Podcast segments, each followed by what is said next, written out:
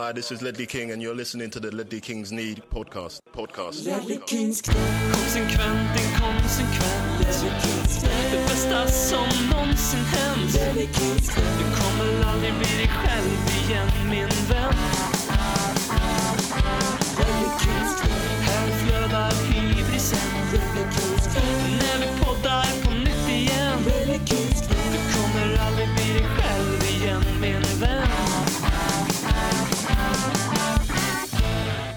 Hej och välkommen till en solig och pripsig svensk radioteater om eh, champagnefotbollens aristokrater i norra London, Super League of Europe Contenders Tottenham Hotspur.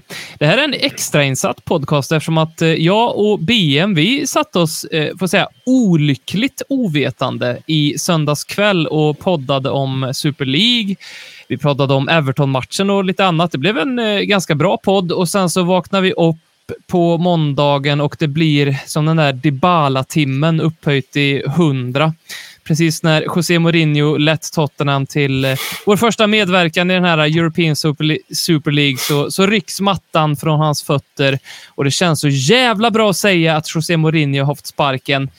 Men det kommer ju också såklart hand i hand med en annan nyhet, nämligen den om den här nya superligan. Och eh, det, allt det här ska vi såklart prata om idag.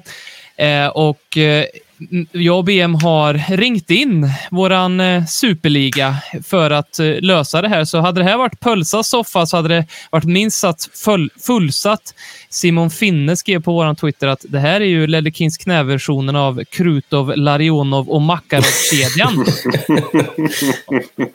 Det måste man ändå säga. Vi har med oss då, vi, vi tar först, vi har irlänningen i exil, mannen som delar initialer med uttrycket Bye Mourinho, BM. Är du pepp på att podda igen? Ja, men inte en dag som denna. Jag tänker att eh, den 30 april 1945 var en väldigt bra dag för världen. Och inga liknelser i övrigt, men för mig personligen så är det här Tottenhams version av den 30 april 1945. Och i mitt huvud så ekar radiomeddelandet ut att José Mourinho har fallit. Kriget Och du är känner bara över. att du vill eh, kyssa random folk på stan? Ja, inte, hade det inte varit för att det var coronapandemi så absolut. Ja. men det är bra. vi- man måste ta sitt ansvar i sådana prövande tider i samhället. Men även där känns det känns som att corona kanske bara är en hoax nu trots allt nu när vi, när vi får se den riktiga mörkret lyfta från jorden. Just det. Vi har eh, också med oss poddens väktare, mannen som basar över våra pengar på Kanarieöarkontot, Smålands James Dean, Robert Folin. God kväll, Hur god går- kväll. Hur går det med din eh, integration i det nya landet Sverige? Jo, då, det går bra tycker jag. Det har landat eh, fint. Det är ju härligt att vara i skogen. Så, jag fick, sambon gav, eh, köpte ett DNA-test till mig i julklapp. För, så man kan få sån här ancestry-spårning och grejer. Eh, hon sa så, det måste, det måste liksom finnas, det måste finnas eh, något spår av någonting annat. Eh, resultatet var 99,2 procent Skandinavien, stod det. Det visade sig att allt det var typ sex regioner i södra Sverige. Så jag, man känner ju, alltså, ja, generna är gjorda för att vara här tror jag. De är liksom... Ja, man Det är enda jag att tänkte på där var de 0,8 procenten bara. Ja, vart kommer Mm. de ifrån? Det var, det var 0,4 procent Östeuropa. Eh, och sen var det lite ospecificerat egentligen. Eh, så de inte riktigt hade kunnat... Det Det kanske var var, någon, någon... eh, någon annan småländsk som... eh, Han drog på så här, eh, jobbresa till Gdansk en helg och så... Ja. ja, sånt som händer. Ja, men härligt att, att höra dig tillbaka här. Ehm, sen har vi också med oss poddens ålderman, den ständigt cyniske värmlänningen som placerar sig strax till vänster om Fidel Castro på den politiska skalan. Marcus Håkman, hur är läget? Jo tack, det är alldeles utmärkt. Dagen har aldrig varit finare. Sen vill jag liksom återkoppla Simons Finnes eh, fina referensram där till att börja med. Att vi var som eh, den ryska björnens första femma där på 80 och 90-talet. Och då känner väl jag att jag är väl mest anammad för att vara Krutov i det sammanhanget. Vad var han sa i Hegerfors om Krutov? Att han har ett ansikte som inte ens en mor kan älska, sa han om Krutov. Så pax för att vara Krutov där då. Kan väl på med den, också den cyniska bilden kanske på något sätt. Eh, vi, ska ta den här frågan, vi ska ta den här frågan lite större sen, men Selmo Fatso har skickat in en fråga just till dig. Mhm. Eh, jag vill höra Håkmans bästa Mourinho-minne från denna tid och du får inte välja att han fick en Chilton i röven av, av Liv idag. Uh, vad fan kan det bästa Mourinho-minnet vara? När han, eh, det var väl inför, fan vad, vilka mötte vi då? När någon jävla journalist ställde någon fråga om man kunde träffa honom efter matchen. För att hans pappa avgudade Mourinho. Och han var väl död vid den tidpunkten, eller? Var han inte det? Vet vilka jag menar? Mm. Var det, var det i Grekland eller någonstans vi mötte något grekiskt lag, eller? Det var Europa League i alla fall. Ja, och jag har aldrig sett Mourinho så tyst. Så, in, så liksom han tog in vad han sa, den här personen. Men det var ju klart, för det handlar ju bara om honom. Och hur någon avgudade dem så pass mycket. Och då tog han sig ju tid, Mourinho, att lyssna, bekräfta, höra. Visa alla de här empatiska känslorna som man visar normalt i ett sammanhang. Men då visade han upp dem. Men det var ju för att det handlade om honom. Och han fick ta åt sig ära och berömmelse. Han lyssnade, han tog sig an och träffade honom efteråt. För hans döda far avgudade honom. Så det, det är väl mitt eh, bästa Mourinho-minne. För att det symboliserade den Mourinho var för mig. Jag bryter in här och säger att eh, ni lyssnare som har klagat på min och Robins brist på objektivitet kring José Mourinho de så här runda slänga 60-80 avsnitten vi har gjort sedan han kom in. Tig, tig för evigt. Vi har ju också med oss våran eh, grafiker, mannen som skulle kunna få Charlie Adam att se ut som en supermodell i Photoshop om han så ville. Det är ju ingen annan än Jocke Wallin! Hur är det med dig? Eh, jo, men det är väl eh, det är ganska bra. Tycker jag. Det... Nyheten om Mourinho räddade dagen. På något sätt. Styrde upp Och att det, du har fått liksom. komma ut ur källaren och sluta rita på nya motiv till t-shirtsen också. Det också. Eh, jag, fick ett samtal från, eh, från Småland på skakig lina att okej, nu, nu räcker det. Nu kan, du, nu kan du komma. Du är ju också poddens ITK, för det var ju faktiskt du som var först att breaka Mourinho, Mourinhos avsked idag. Och du skrev dock, och jag citerar, ehm, punkt, punkt, punkt. José sparkad? Frågetecken. Och Det var så det började. Och därmed är du nu den nya Phantom of the Lay. Man kan säga att jag spekulerade i om han var sparkad. Och det visade sig stämma. Mm.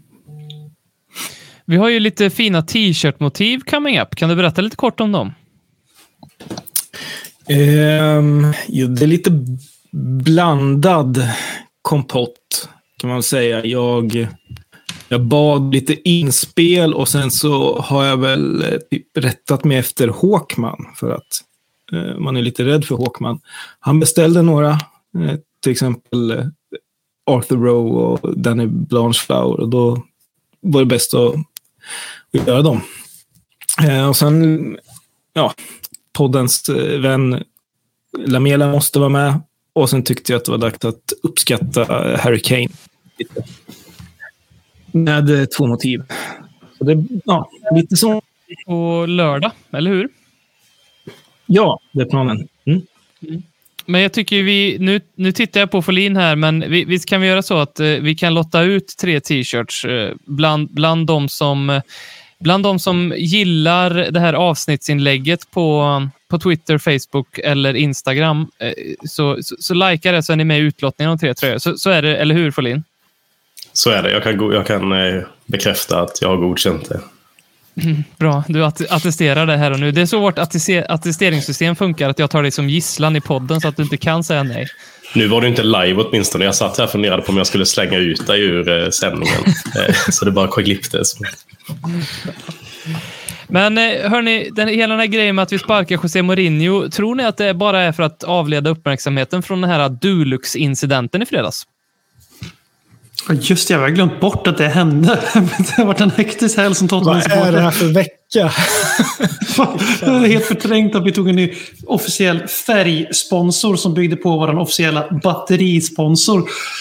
Eh, I alla olika pusselbitar man behöver för att bli en Super League-klubb så har ju, har ju Liven jobbat där på sidan och eh, med tanke på att de då roastade Tottenham hela helgen och eh, någon stackars jävel förmodligen har fått sparken på grund av detta idag. Så visade det sig att det var José Mourinho som fick sparken nu på måndag. Så för mig går ju tankarna ostritt till att det kanske var Mourinho som låg bakom det där kontot.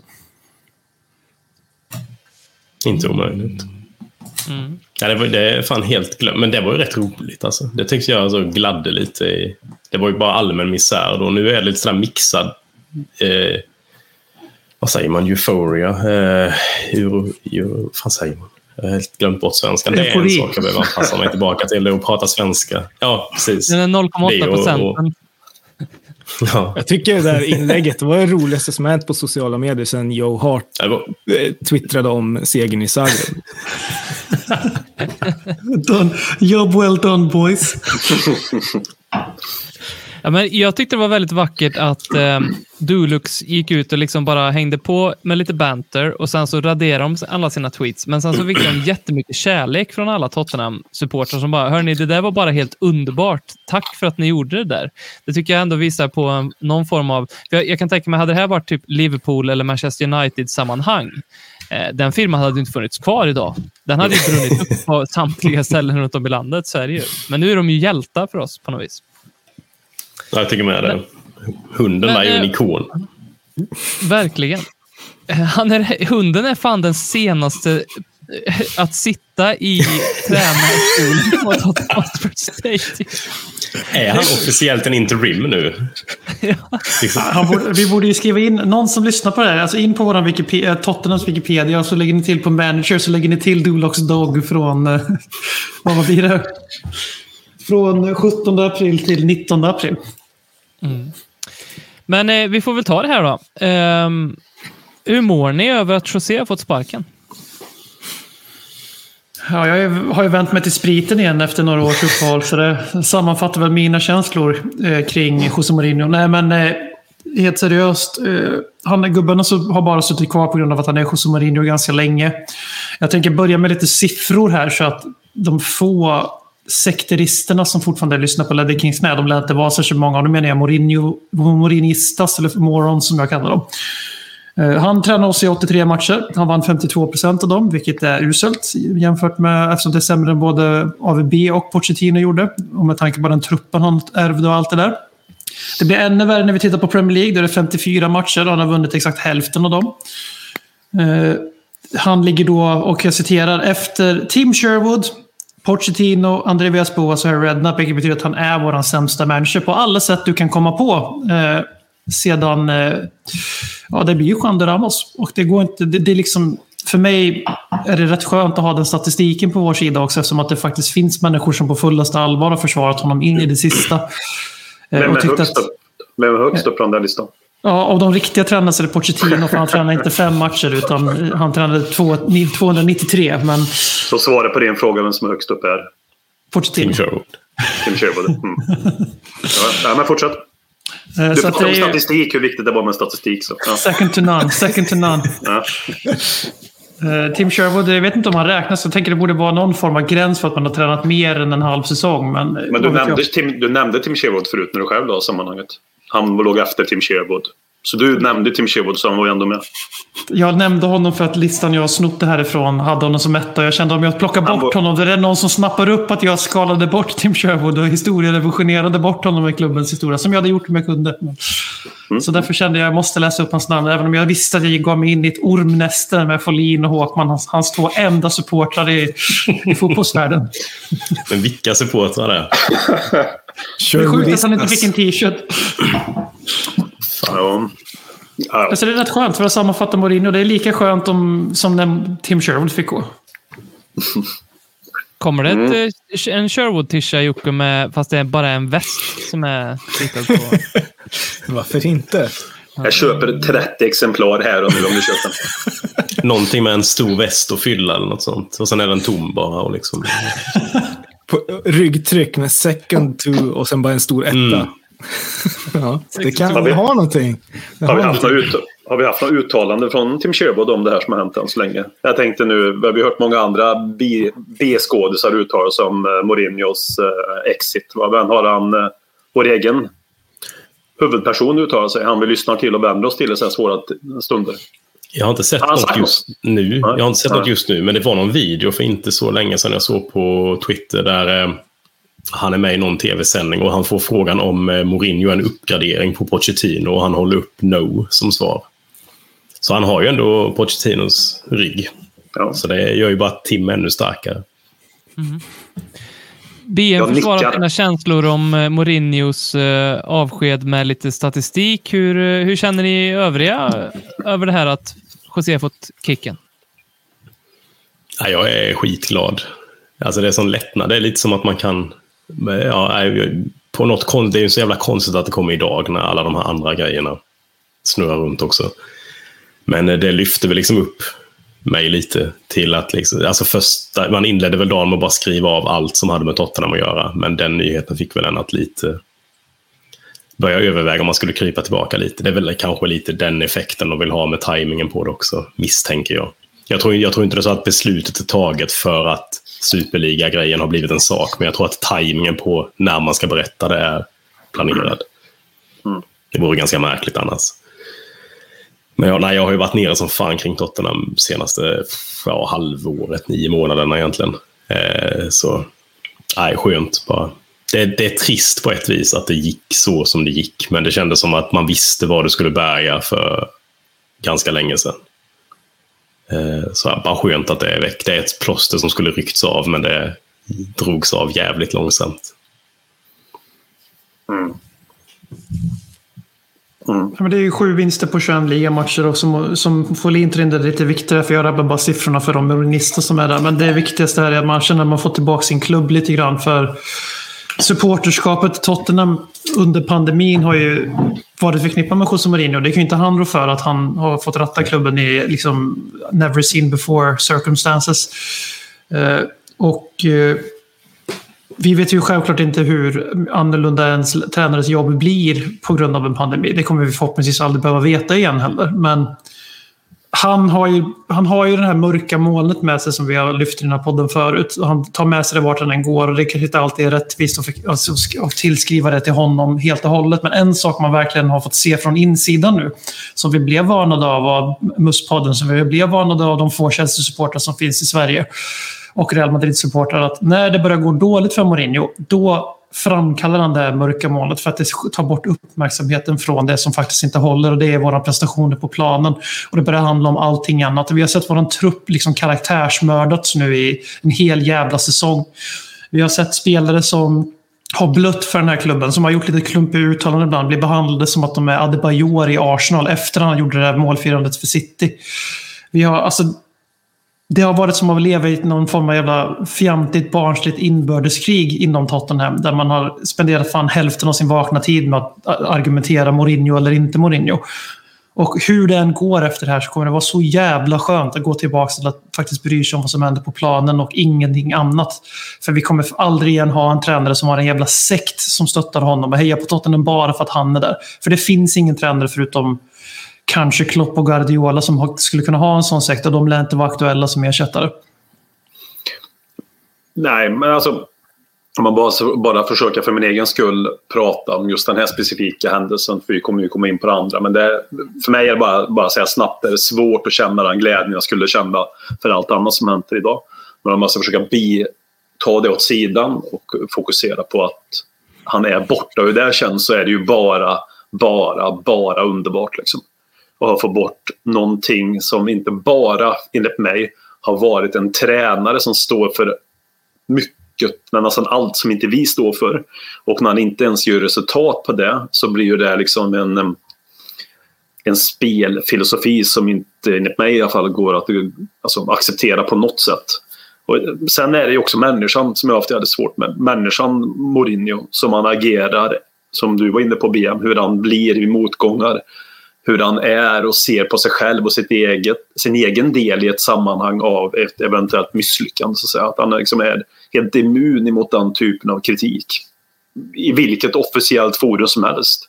I intervjuer. Sen kanske han tänker på ett annat sätt när han sitter hemma och ja, smuttar på en kaffe eller vad man kan göra. Men, men i det vi får ta del av och se så tolkar jag som att han är helt immun mot eh, kritik. Och då kan man undra sig hur, hur hur är samtalstonen internt då liksom? Om man officiellt är immun mot kritik, är han det internt också? Att man inte kan ha den högt i tak som det heter i Sverige. När ingen kan ha högt i tak men alla pratar om högt i tak. Kan man ha högt i tak i Tottenham så att säga? Det är frågan om man kunde ha haft det. Så är det skönt att bli av med... Alltså, det, det är väl inget konstigt att de som älskar varandra mest i den här världen är väl lika som vi är. Liksom Zlatan och Mourinho älskar varandra. Även om Zlatan har vuxit senaste tiden lite grann så är de ju samma typ skrot och korn. Narcissistiska liksom, människor som fortfarande ser sig själv som några oövervinnliga lejon eller en människa som är, ser sig själv som Gud själv på något sätt. En, en, en Ted, vad heter han? Ted Bundy. Psykopater, helt enkelt. Jag säger inte att han mördar kvinnor, men han... han, han jag säger inte nödvändigtvis att han gör det. Men i ett annat sammanhang kanske han hade gjort det. Var, varför får han sparken idag? Det har vi väl sagt redan, tror jag. Eller? Ska jag säga så dödat? Men är det inte, tror inte att det hänger ihop med det som är nyheten idag? Om man ska vara så specifik varför man får sparken just idag. Men om vi vänder på det, för jag tror alla håller ja, med om, att, om det. Men eh, en sak vi kan vända för att ge eh, de sportsliga resultaten har ju varit urusla sedan december. Så att det här har ju bara varit en väntan på tiden. Jo, jo men varför han får till idag, liksom, tänker jag. Alltså, jo, ja, att, men, han, jo, att han får till sist, det fattar jag. Liksom. Det fattar jag. Att det har ju med liksom, en rad av dåliga resultat. Så det är ju en tidsfråga så sett. Men om inte det här hade luggit sin linda så kanske han fått det för en månad sedan, rent hypotetiskt. Eller efter, borta mot Zagreb till exempel. Jag kan tänka mig att det sträcker sig så långt bak som att vi pratar i alla fall en månad, två månader tillbaka för att de har väntat in det här. Det skulle inte få någon alls. Du tror att de har väntat med sparken för att de visste att det här... Eh... Alltså jag litar inte ett piss på Livi alltså. Inte ett jävla piss. Han är, en, han är en affärsman, en korrupt jävla idiot som våldtar en förening till vilket pris som helst för att dela ut pengar till sina folk runt omkring sig. Så jag tror definitivt att det här, sista tiden i alla fall, har varit medvetet. Kanske inte. Jag ser, jag ser det inte som, eh, som omöjligt faktiskt. Jag, ja. liksom, för att det är ju... Rent liksom, resultatmässigt så är det ju inget jag vet inte, det, det, är inget som har hänt eh, eh, senaste tiden som inte har hänt liksom, längre tid tillbaka. Det var, det var ju befogat för en månad sedan, eller en och en halv månad sedan, att ge honom sparken, men det, det skedde inte då. Eh, liksom, att det inte skedde då, ja, jag vet inte, de kanske ville ge honom mer tid eller så, men eh, jag vet inte. Det, jag, jag, ser det inte som omöjligt att man väntade in det här. Eh, heller. Jag menar som Zagreb har varit det ytterligaste, det perfekta tillfället rent symboliskt förlora där, tappar en eh, kvartsfinalsplats i Europa League. Eller hade det varit logiskt hade han fått vara tränare till ligacupfinalen och den avslutas och vi har förlorat den rent hypotetiskt så han får gått efter den. Jag att han får sparken nu när det är sex dagar kvar till Europa League. Jag är så jätteglad att han får gå.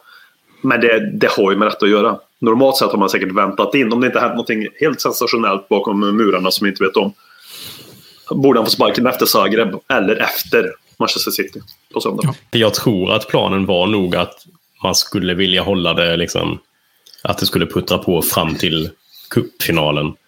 Men att man någonstans har känt att det är kört, alltså det är så få. Det verkar ju typ som att det är Lucas och Kane och kanske någon till som har fortsatt stå upp för Mourinho och alla andra har dumpat honom. Jag tror Livi hade nog gärna hållit honom så länge som möjligt jag var nästan inställd nu på att det skulle bli typ fram till sommaren i alla fall, för att det bara var lättare på så vis. Men att det hade gått för långt bara. Ehm, och så nu kanske man då såg det som att okej, okay, här kan vi lite... Det kan ju gå åt båda hållen. Nu kan jag kicka ut tränaren som jag har gått väldigt hårt på och sagt att detta är liksom drömtränaren för mig. Och det har varit... Alltså det är svårt att säga att det har varit något annat än ett jävla fiasko. Sett till lönen han har fått och ryktet han har haft. Och lite att, att Europa Superligan över, alltså det, den eh, tar fokus ifrån Livis misslyckande och sparkningen av Mourinho tar fokus lite från Superligan. Så det är lite win-win för, för Livi att spela korten, båda korten nu. Det är ju ehm, ett ytterligare bevis på vilken eh, brutalitet och eh, avsaknad av sentimentalitet och som Danny Levy har på sätt och vis. För den har vi sett förut. Martin Joll får, får sparken eh, under match och, Eh, eh, och, och, och, och, fler Under en period så rullade ju huvuden eh, väldigt frekvent eh, i, i, strax innan Martin Joll-tiden där och, och, en kort tid därefter. Eh, och att Livi gör det idag, ett par dagar innan han har tagit oss till den enda finalen, det visar också lite grann på eh, vad, vad, vad kall Livi är, tycker jag. Sen ska vi bara döda det ryktet eh, som kanske de flesta har eh, Eh, det, det, ett rykte som kanske har dött för de allra flesta, men att det här ska ha någonting att göra med att José Mourinho motsatte sig idén om superligan. Det kom ju ganska tidigt ut att han, eh, antagligen så är det ju hans läger som har velat släppa den eh, det ryktet för att förbättra bilden av honom, men det har det absolut inte att göra, utan det har ju helt och hållet med, med resultaten att göra. Alltså den tränare eh. som tror att den har någonting att säga till om, av ett sånt beslut som handlar om miljarder pund, alltså allvarligt, gå och lägger. Det, det, jag tror inte det är planterat av hans camp, för det är så löjligt, så det är bara någon som hittar på själv på Twitter till och med, på den nivån är det. Men, eh, jag tror lite att, jag, jag, tror definitivt, för att sammanfatta Håkmans poäng, ja, jag tror definitivt att tajmingen är inte en hel slump. Jag tror också att Folin är inne på att någonting var så trasigt nu så att det gick inte att vänta längre. Och jag tyckte den första matchen det verkligen syndes på plan, inte genom att vi var usla, för det har det gjort länge. Men vi såg Serge Arier gå hem i hemjobbet efter att ha blivit intagen från frysboxen igen. För att Mourinho har varit ganska desperat länge och Eh, Eh, ge spelare en chans när han ska rädda sitt jobb. Det har ju liksom varit alla bänkspelares jobb det senaste halvåret har varit att komma in för att rädda Mourinhos jobb. Och i fredags mot eh, Everton så fick vi se Cissoko, vi fick se Serge vi fick se flera spelare som var på plan. Inte ens liksom bemödade sig det minsta att försöka se ut som, så att de ens spelar för sin tränare. Eh, och Harry Kane firar inte ens sina mål, som vi pratade om i podden som aldrig blev släppt någonting var så jävla ruttet nu så att vi hade inget, vi hade ingen val. Och sen självklart, varför inte passa på när man märker vilket jävla liv det blir kring European, Super League. Och ytterligare en, eh, en del som kanske har spelat in timing. Jag tror att Livi kanske hoppas på att det kan ge en, eh, en uppstudseffekt inför finalen. Och jag tror, alltså, jag tror att sparkningen... Jag, det, jag har svårt att se att vi vinner, men jag tror fan att vi har ökat våra chanser med, med det här beslutet. Mm. Ja, och det är bara fem poäng till fjärdeplatsen och får vi en new manager bounce och vi släpper lös den där truppen som har underpresterat så gravt sen alltså 2021 slog in. Inte fan är det helt omöjligt. Det är ju omöjligt på grund av att det är så många lag före oss. Poängantagandet är ju inte omöjligt, men visst fan ska vi kunna klättra en placering eller två i den här tabellen om vår trupp börjar prestera ens 80% av sin kapacitet när vi faktiskt spelar till våra styrkor. För senaste och enda gången vi har gjort det 2021, då vann vi fyra raka matcher. Det är typ våra enda segrar 2021. Vi kommer ihåg det mycket väl. Mm. Nu, eh, Håkman fick ju frågan tidigare här. Nu får ni resten. Eh, vilka är era toppögonblick. Det är faktiskt Anton Rosengren som har skickat in precis den frågan, frågan också. Vad är, det, vad är era toppögonblick med Mourinho vid rodret? Alltså det första jag tänker på är nog den första 2-0-segern hemma mot Manchester City. Just för att då trodde man kanske lite att det han var inplockad för att göra var på gång. Att man liksom lite alltså, cyniskt och smart kan slå de här lite det spelet man fick i alla matcher. Men det spelet man hade hoppats att kunna få i de toppmatcherna att ta. För det hade man ju tagit. Alltså det har jag sagt innan också. att Problemet med honom är ju hur det har sett ut mot de sämre lagen. Att vi, vi, har, vi har inte haft något eget spel. Vi har, sett, vi har spelat mot Burnley hemma som vi spelar mot City hemma ungefär. Känns det som. Inte riktigt så illa, men åt det hållet. Men den matchen kändes som att här kanske det ändå kan komma något. Men det var ju ja, det var falska förhoppningar tyvärr. Jocke, det är ju, eh, jag tänker direkt på, för att bygga vidare på för jag har väl ungefär samma. Det är ju när vi springer upp i ligatoppen efter att ta 10 av 12 möjliga poäng mot vad är det, Chelsea, Arsenal, City. Det är samma veva där. Eh, vi gör det med en väldigt ny idé för att vara Tottenham. Eh, vi hade sett den redan första halvåret med Mourinho och mot City då också. Att vi kunde utföra väldigt krävande taktiska matcher mot bra lag och bra kvalitet. Eh, men en gång är ingen gång, två är lika med noll. Och sen när vi gör det, sen visste inte, vi hade kunnat ta 12 av 12 om vi hade vågat mot Chelsea. Och det var väl den första lilla, lilla varningsklockan som borde ha ringt där. Att vi försökte inte ens gå för trean där. Trots att vi flög formmässigt och Chelsea var på väg att sparka sin tränare. Så att, men under den lilla två veckors perioden där när vi var med och slogs, eller var etta, då kände man så fan om vi får det här det enda Pochettino inte riktigt bemästrade, eller Pochettino inte ville göra för att han inte tror på det.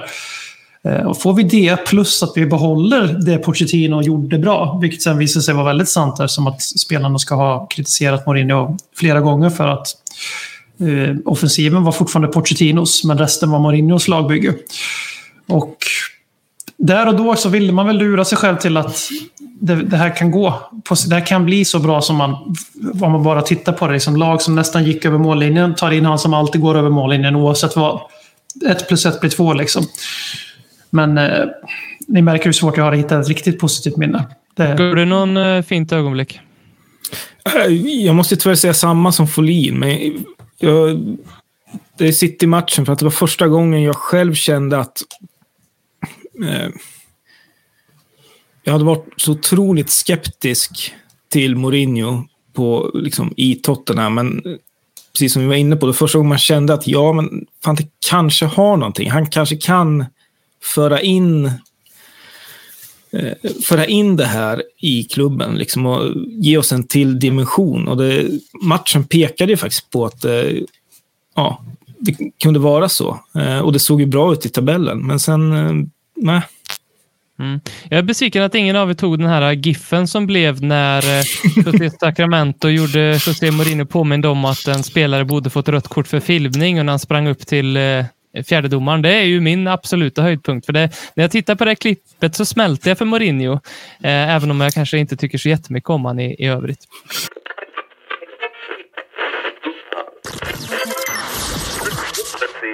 Du lyssnar på Ledley Kings knä. Du kommer aldrig bli dig själv igen.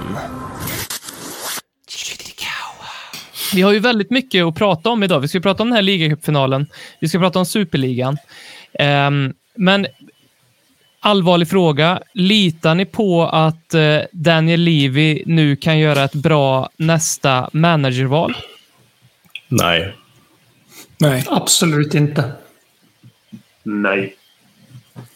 Har vi tur så har vi tur så följer cykeln som den har gjort de senaste gångerna. Där han har gått från en extrem till en annan och att vi då landar tillbaka lite i Pochettino-kalibern och tränar alltså en Nagelsmann, en modigare, ett modigare val i Graham Potter. Eh, men eh, med tanke på utvecklingen där i Bayern, Bayern München då, inte BM, min namne, så är väl Lagesman körd. Och han verkar ju enligt alla uppgifter vara vårt första spår och jag skulle stå bakom det till punkt och pricka. Jag skulle tycka det är eh, Livis bästa rekrytering på papper någonsin som manager. Eftersom Pochettino ska vi inte sitta här och låtsas att vi satt 2014 och var helt sålda på honom, för det var vi fan inte. Eh, men det kommer ju förmodligen inte bli honom och där, redan där blir jag skiträdd. Vem blir det då liksom? Blir det en Scott Parker som det är alldeles för tidigt för? Blir det en Eddie Howe som av någon anledning fortfarande inte har fått ett jobb trots allt han gjorde i Bournemouth? Fan vet, men jag litar inte på Daniel Levy, tyvärr. I, det här, I just den här frågan alltså. Mm. Man, man, kan ju gå in och lyssna på, vad kan man lyssna på för lind för att få svar på vad man tycker om Libya och managers också? Man kan lyssna på de två första avsnitten av våra managerarkivet vi har släppt. Vi skulle ha släppt fler, men min röst har varit helt körd i typ tio dagar nu. Men nu har det börjat hämta sig, så det kommer väl tredje snart. Men vi kommer att handla det där. Och, och där är ju lite min ståndpunkt också, varför jag inte litar på honom. Alltså, historiken talar ju för att det snarare blir en felrekrytering än, än någonting annat. Sen kan det ju gå bra ändå, men statistiken och historiken talar ju för att det inte blir bra. Men det är spännande det som VM säger, att det är ju ofta så här. Och det är något med de här cykeln, att det känns som att när det är ett liv i första val så slår det ofta fel. Mm. Och sen är det som att han måste ändra till något helt annat och då blir det ofta ganska... Alltså det är ju Rednap är ju en sån, han kom efter Ramos. Mm. Som var väldigt uppenbart ett liv i val. Joll var tur egentligen. För det var ett Frank Arnesen-val efter ett liv i val. Och sen efter Joll kom AVB som är tydligt ett liv i val och efter det så kom, eh, ja i och för sig, Porsche väl där han landar lite. Det är kanske det som bryter logiken lite. Men Mourinho är ju ett jävligt uppenbart ja, han, han anställde ju Tim Sherwood innan han tog in på Jag du var på väg att säga funkar Sherwood. fortfarande.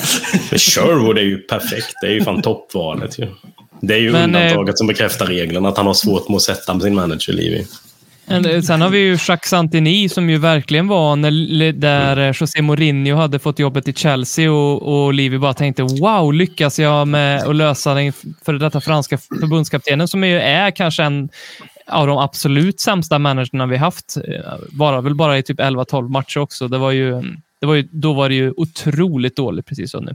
Mm. Den andra stora snackisen för dagen, det är ju den eh, om eh, Superligan. Behöver ju knappast någon recap här, men i söndags kväll, precis när jag och BM skulle podda, så kom nyheten ut och sen så har ju klubb efter klubb här bekräftat sin avsikt att gå med i den här superligan. Eh, många menar att det här är ett sätt att sätta press på, på Champions League som ju ska komma med och kommer med sitt eh, besked eh, och, om sin inriktning på, på nya ligan här. Den här superligan först och främst, tror ni att den blir av? Ja, på något Du sätt. tror- Ja, Alltså, Antingen får vi den rakt av. Eller så får vi en reviderad Champions League som redan ska revideras. Och där, det vi satt och pratade om igår Robin, så vi kan recapa för det kommer aldrig höras, var att de talar vi främst om att utöka antalet lag och antalet matcher och även hitta lite här säkerhetsmekanismer för att storklubbarna som var med i Champions League även om deras sportliga resultat inte eh, är befogade. Känns det igen någonstans? För det här låter för mig som Super League fast lite mildare. Eh, det som oroar mig för att det faktiskt blir Super League rakt av är att om du tar bort de här 12 klubbarna Eh, från Champions League och tänker varumärke, inte titlar, för det går ju runt nu på Twitter hur roligt det är att vi är med i den här och Arsenal och alla jävla klubbar som inte vunnit ett skit på ett tag här nu. Men eh, plocka bort Real Madrid, Barcelona, Manchester United och eh, Liverpool från Champions League och ställa upp dem i en annan turnering och gissa vilka som får mest pengar för sin tv-sändning och vilka som flest kommer titta på. Och det fattar ju Florentino Perez, Real Madrids president, som är president även för den här föreningen. Eh, Och Juventus fattar också det. Och det är Juventus som har lobbyat som hårdast mot den nya Champions League. Oklart vad de är missnöjda med, eh, var det ju tills nu. Men eh, Men du, BM, man Det- måste bara flika in en sak där. Tro, kommer, alltså med, tanke på den här äh, massiva shitstormen som har kommit mot Superligan här på sociala medier sedan den tillkännagavs, så ehm, alltså tror vi att folk kommer bara, ja, ja, vi tittar på det istället. Absolut. Definitivt. Det är den bästa fotbollen du kan se. Eh, alla hejar inte på våra lag i fotbollsvärlden. Och visst, de kanske tar ett moraliskt ställningstagande att inte titta i protest mot Super League, men det kommer inte hålla i särskilt länge. För tyvärr med sådana supporterinitiativ så är det ju att det är de diehard som verkligen protesterar till döden och grundar en ny Manchester-klubb i protest mot Manchester United och Glazers. De glöms bort och ersätts ganska snabbt och nya. Och det här är ju det ur, alltså, ultimata beviset för den globala fotbollen där majoriteten av en klubbs supportrar inte kanske ens har satt sin fot i samma land som klubben spelar i. De kommer antingen få igenom den här för att de kommer att smaka på det nu och känna shit, vi kan genomföra det här. Och varför ska de då gå med på att krypa tillbaka till Uefa och Champions League? Även om det kanske är en del av planen och en fallback för dem att om det går åt helvete så kommer vi tas tillbaka av Uefa. Eh, Och få lite mer som vi ville. Men varför ska de göra det när de kan få behålla alla intäkter själva? Så att jag, jag tror att det här eh, var början på... och Vi har snackat om att VAR var början på döden av fotbollen. Nej, mina vänner. Det här är början på döden och den fotbollen vi alla växte upp med. Och till och med den fotboll som Håkman växte upp med. Också Jocke, du satt och räckte. Ja, en sak till som talar för att det faktiskt eh, händer. Fast jag var också skeptisk en början. Jag trodde att det var mer någon slags förhandlingsteknik. Men eh, jag läste uppgifter, nu kommer jag inte ihåg vilken journalist det var, men det var ju... Man hade pratat med någon från de här, någon av de engelska lagen. Eh, en representant som berättade hur de hade resonerat innan de gick ut med den, med den här nyheten. Och det var ganska tydligt att de var fullt medvetna om vad reaktionen skulle bli. De var beredda på den här skitstormen. Liksom. Men de var också tydliga med att de benämner till och med oss supportrar, vanliga supportrar, som legacy fans. Alltså fans som de är supportrar nu och eh, har varit ett tag. Eh, men de räknar liksom med att de, många av dem kommer av. Men de ersättas av nya supportrar eh, globalt. Liksom. Eller kanske inte en supporter, men tittare. Helt enkelt. Och de tycker att det är, det är fortfarande liksom, eh, värt det, det tappet för att de kommer ta igen det på, på de nya supporterna. Eh, det, ja, det, det, var nästan det var den delen som gjorde mig mest äcklad för att det är första gången eh, de har varit så pass öppna med eh, man, man, har ofta känt att ja, men, vi supportrar, eh, spelare, de bryr sig inte om oss. Men det här var första gången jag liksom hörde det eh, så uttalat att eh, de skiter fullständigt i fansen. Det handlar bara om liksom, eh, marknadsandelar och eh, ja, eh, tjäna pengar. Eh, och, eh, tidigare har de i alla fall de har inte formulerat det så, utan de har eh, försökt linda in det på något sätt. Nu var det bara ja, Läste du inte Florentino Perez fina ord om att eh, vi försöker göra någonting bra för en sport som har fyra miljoner utövare? Det här är vad alla fansen vill. Håkman, vad är dina känslor här? Mm. Eh, ska man börja någonstans? Du la till lite pottfrisyr där. Det är ja, jag gjorde det. Det är väldigt så att börja. Nej, men det är väl... Fan, det är ju... Det här borde egentligen inte, och det har egentligen inte överraskat mig att det här hände eller att det skulle hända någonting i den här stilen. Superliga, vilket format man skulle vara i, hur många lag och vad det skulle innebära har vi ju inte riktigt vetat. Men nu har vi ju ett, ett klart exempel på, på bordet. Någorlunda klart i alla fall, hur den kom utformat.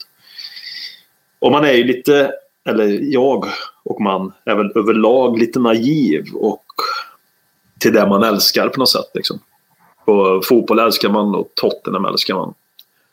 Och när man älskar någonting så har man ju en tendens till att tro det bästa man, till föreningen. Även om år ut och år in har man blivit bevisad att eh, ja, egentligen så skiter de fullständigt i oss supportrar när det väl kommer till kritan. Det finns andra värden som är viktigare. Som den finansiella delen. Det gäller ju all fotboll liksom, på en hög nivå. Och även på en mindre hög nivå, så att säga. Det är elitfotboll. Och när man, när man går in i den eh, den relationen då, som man ska säga, om man får kalla det för det är en relation till, en, till fotboll och Tottenham, så, så blir man så bygger det någonstans på att man ger och tar lite grann. Och när man är supporter så får man väldigt sällan, men det bygger mer på att det är prestation på plan som inte räcker till och det kan man ju ta. Men vi supportrar är ena sidan av relationen och föreningen, då, eller om man säger ägarna är den andra sidan. Um, och när inte den när han hela tiden blir på något sätt motarbetad, när kärleken aldrig blir besvarad till som man aldrig blir från oss, eller neråt från dem till oss och den hela tiden mot, motarbetas. Eh, så ja, försöker man lappa ihop det. Det blir som en, man blir som en, vad ska man kalla för, en, en ehm, Ja. Medberoende? Medberoende, ja. Det var exakt, det var exakt det jag skulle söka faktiskt. Man blir medberoende i, i sitt supporterskap. Och någonstans kring den här listan så kan det bli en utlösande faktor som gör att det här medberoendet upphör att existera. Och då är det många som kan motsäga sig och tycka att ja, men det här borde man ha sett, det här borde man förstått, det borde man agerat och eh, tagit avstånd från tidigare på sånt här sätt. Men någon brytpunkt finns det någonstans kring det här. För min del, jag vet inte helt ärligt, det kan ju låta jävligt mörkt och cyniskt och eh, så här, tids, alltså att det låter lite grann som den personen är, att så här, bygga upp någon form av ultimata cynikern. Det är det verkligen inte, utan jag vet inte fan ens om jag kommer, oavsett vad som händer. Jag vet inte om jag kommer hitta tillbaka. Jag vet, alltså jag vet inte, jag kanske med, jag är tveksam. Opponera att det inte blir av nu, så har de ju visat upp sig i sin allra fulaste sida som jag var inne på förut. Allra fulaste sidan. De har verkligen blottat sig. Det går inte att gå tillbaka på det. De har blottat sig. Även om man har fattat det tidigare så har de verkligen blottat sig nu. Fullt ut. Och vill jag liksom, kan, jag, kan jag älska Tottenham när man har sådana som totalt skiter fullständigt i vad vi är för några människor. Som skara nu då, inte som individ, som skara. Jag vet inte. Och det är kanske många som, jag vet, som håller på andra lag som, som har sagt ja men det här har vi vetat om Premier League hela tiden. Det är en, eh, är en sån här liga där det bara är kommersiella intressen som är, ja men absolut det stämmer säkert. Men i kärlek så väljer man att vända andra kinden till och är medberoende. Så det, ja.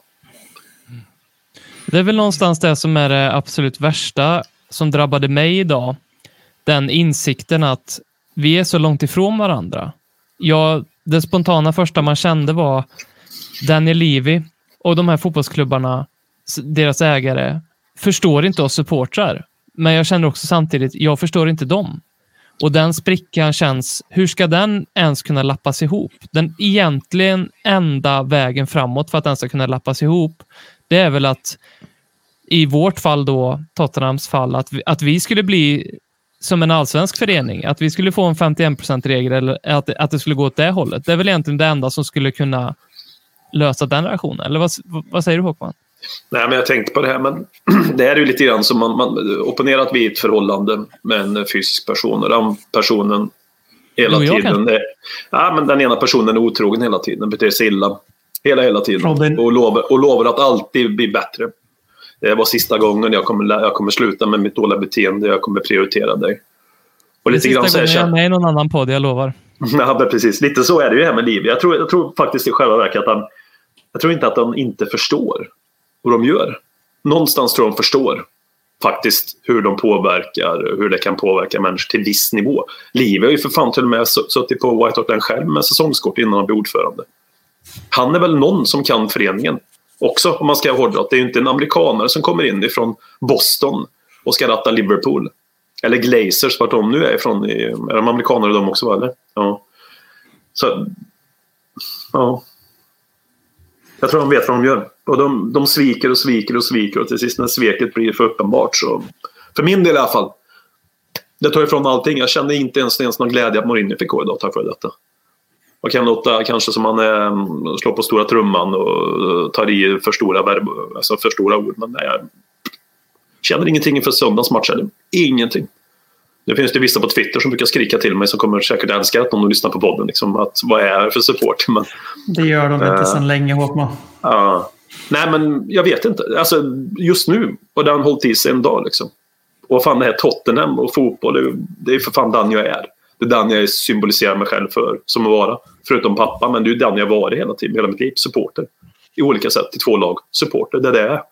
Och nu är ena delen på väg att tas bort. Vad fan är jag då liksom?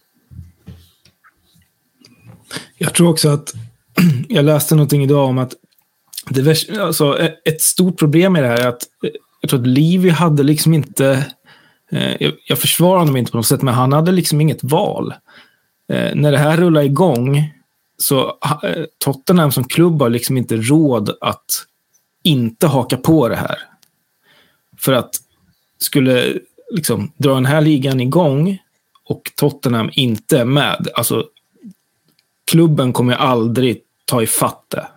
Man kommer aldrig komma ifatt, kommer aldrig nå de här klubbarna som vi har jagat under liksom 20 år nu.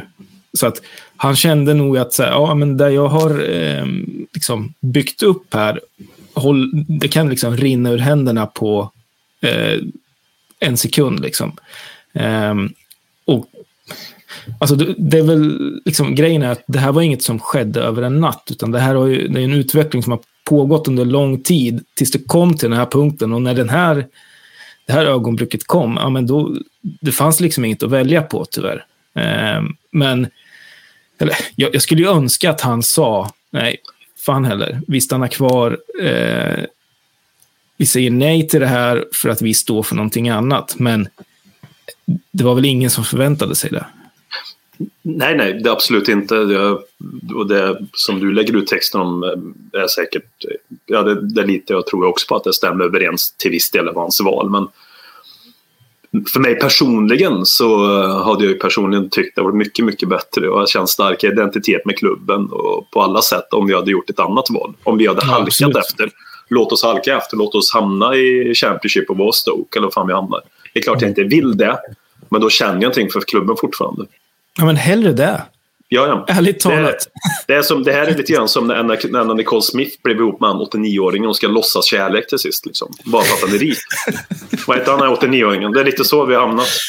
Jag kan inte vara en Nicole Smith, jag klarar inte av det. Liksom. Man kan inte låtsas älska den 89-åringen. Men alltså, jag, jag förstår Jockes djävulens advokat-argument där lite. För jag, jag, alltså, rent rationellt, om man stänger av hjärtat, vilket, inte, vilket jag tycker generellt, för om vi återkopplar Mourinho-diskussionen också på ett sätt. Fotboll är ju för mig supporterliv, alltså känslor, gemenskap, grupp, alltså behörighet, en del av identitet, alla de här grejerna. Eh, Mourinho har ju varit ett sånt utslag för mig hur, att jag har haft svårt att hitta, känna mig alltså, hemma i Tottenham på grund av att han representerar i stort sett allting jag inte tycker fotboll ska vara. Fotboll ska inte bara knytas till titlar. Eh, på ena handen så får vi den, att Tottenham verkar inse det, rätar upp vägen. Det var ett citat från eh, de här källorna i, i spelartruppen som läcker som såld till Atletic. Om att det här är liksom, han raserade, han sög ur kulturen på allting Tottenham har varit de senaste åren. Bara borta. Eh, och det satte ord på hur jag känner inför det sportsliga just nu. Men sen så på andra handen, när man har gjort det, man har tagit bort den här cancertumören som är José Mourinho. Då lägger man också fram på ett fat, oh, by the way, den här klubbens enda intresse och primära intresse är ekonomisk vinst och att vara en av de stora drakarna. Och det här är den enklaste vägen att vara det och det kommer ge oss fördelar. Vi kommer fortfarande vara sexa i England för att eh, historia. Men det här är den enklaste sättet. Vi måste göra det här för annars så allting vi drömmer om kommer vara omöjligt. Och jag tror också att fotbollen är på väg dit oavsett. Och självklart, självklart så säger mitt supporterhjärta, det jag identifierar mig med, säger vi skulle varit den, den klubben som sa nej. För vi hade då varit den största klubben i England och som sa nej. Vi, är, vi, vi, står inte bakom det. här. Vi vill inte se fotbollen utvecklas åt det här hållet. Och det hade jag känt mig mer bekväm i. Och jag hade personligen inte brytt mig särskilt mycket om, eh, om verkligheten då hade blivit eh, som att det hade slutat med Harry Kane i någon av de här Super League-klubbarna. Det hade slutat med Son i någon av de här Super League-klubbarna. Och vi hade aldrig varit bättre än kanske Best of the Rest i England. Och det hade jag varit fine med, för det är, inte, det är inte vad fotboll handlar för mig. Men jag förstår att man som klubbchef, rent rationellt, inte tänker så. Men då blir också det här lite att Daniel Levy sitter lite ibland på två roller. För att han är både supporten som blev ägare, som, som, som Mourinho var inne på, tänkte säga. Eh, som Håkman var inne på. Eh, men han är också den här hänsynslösa, uträknande klubbchefen som liksom sätter klubbens bästa först till vilket jävla pris som helst. Och ganska ofta på supporterhjärtats bekostnad. Jag står fortfarande fast vid att han har gjort ett alltså, fyra av fem jobb i Tottenham. Men det är ju på grund av att jag inte tycker att titlar och så är det viktigaste.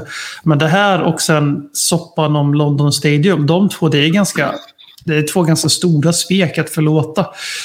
Men samtidigt går det att, att rationellt argumentera för att det är det bästa för Tottenham på sikt. Och det är det vi har en tendens i att fastna i. Och det som är så vackert idag är att se att det verkar vara unisont bland supportrar eh, till de här sex utbrytarklubbarna i England.